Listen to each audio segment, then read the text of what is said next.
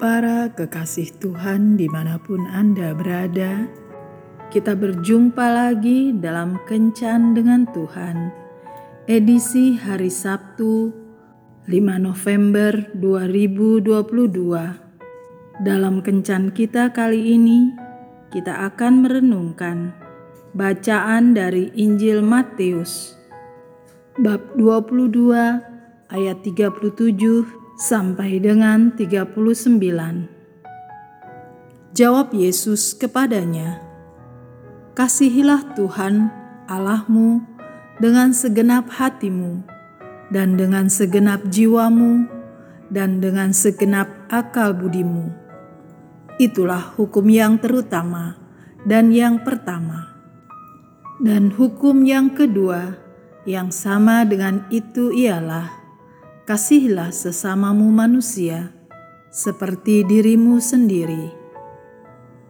Bapak, ibu, dan saudara-saudara yang dikasihi Tuhan, lumba-lumba dapat ditemukan hampir di semua perairan di dunia. Kecepatan berenang lumba-lumba dapat mencapai 30 km per jam, dan hewan ini mampu melompat dari air setinggi 7 meter ke udara. Lumba-lumba bernafas menggunakan paru-paru. Oleh karena itu, hewan ini perlu naik ke permukaan air untuk mengambil nafas melalui lubang-lubang yang terdapat persis di atas kepalanya. Lumba-lumba termasuk salah satu hewan dengan kecerdasan yang luar biasa. Lumba-lumba juga dikenal sebagai hewan yang penuh kasih dan sangat bersahabat kepada makhluk apa pun. Lumba-lumba sangat menyukai manusia. Seringkali lumba-lumba akan berenang mengiringi kapal yang sedang berlayar.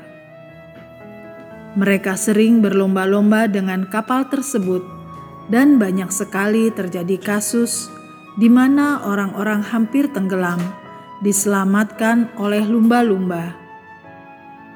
Bahkan lumba-lumba memiliki kebiasaan untuk saling menjaga bayi sesamanya, walaupun bayi tersebut bukanlah anaknya. Lumba-lumba adalah hewan yang ramah, baik hati, dan penuh kasih, cerdas, pintar bersosialisasi, dan suka menolong makhluk apa pun yang membutuhkan bantuan. Di dunia yang memang semakin jahat ini, kisah kepedulian dan keramahan merupakan suatu hal yang sangat langka. Orang-orang sudah hampir kehilangan hati mereka yang baik terhadap sesamanya.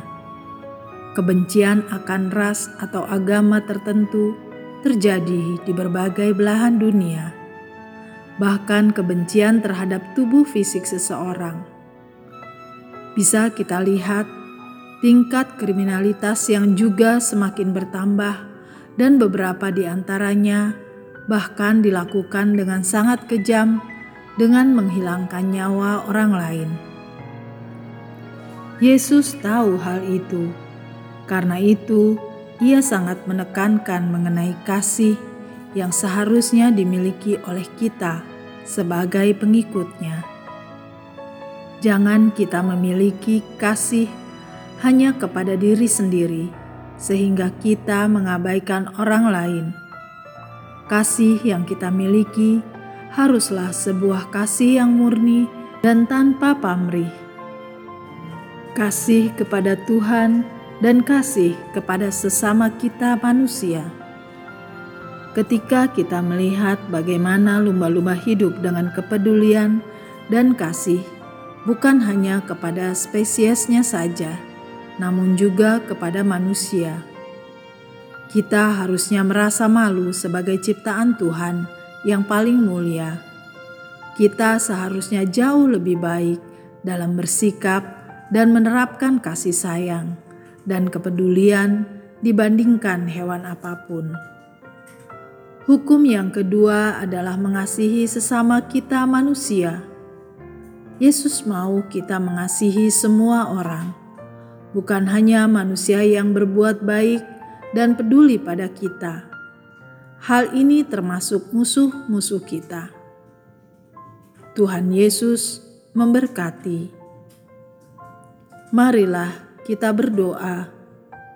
Tuhan Yesus, ampunilah aku jika selama ini aku kurang berbuat kasih.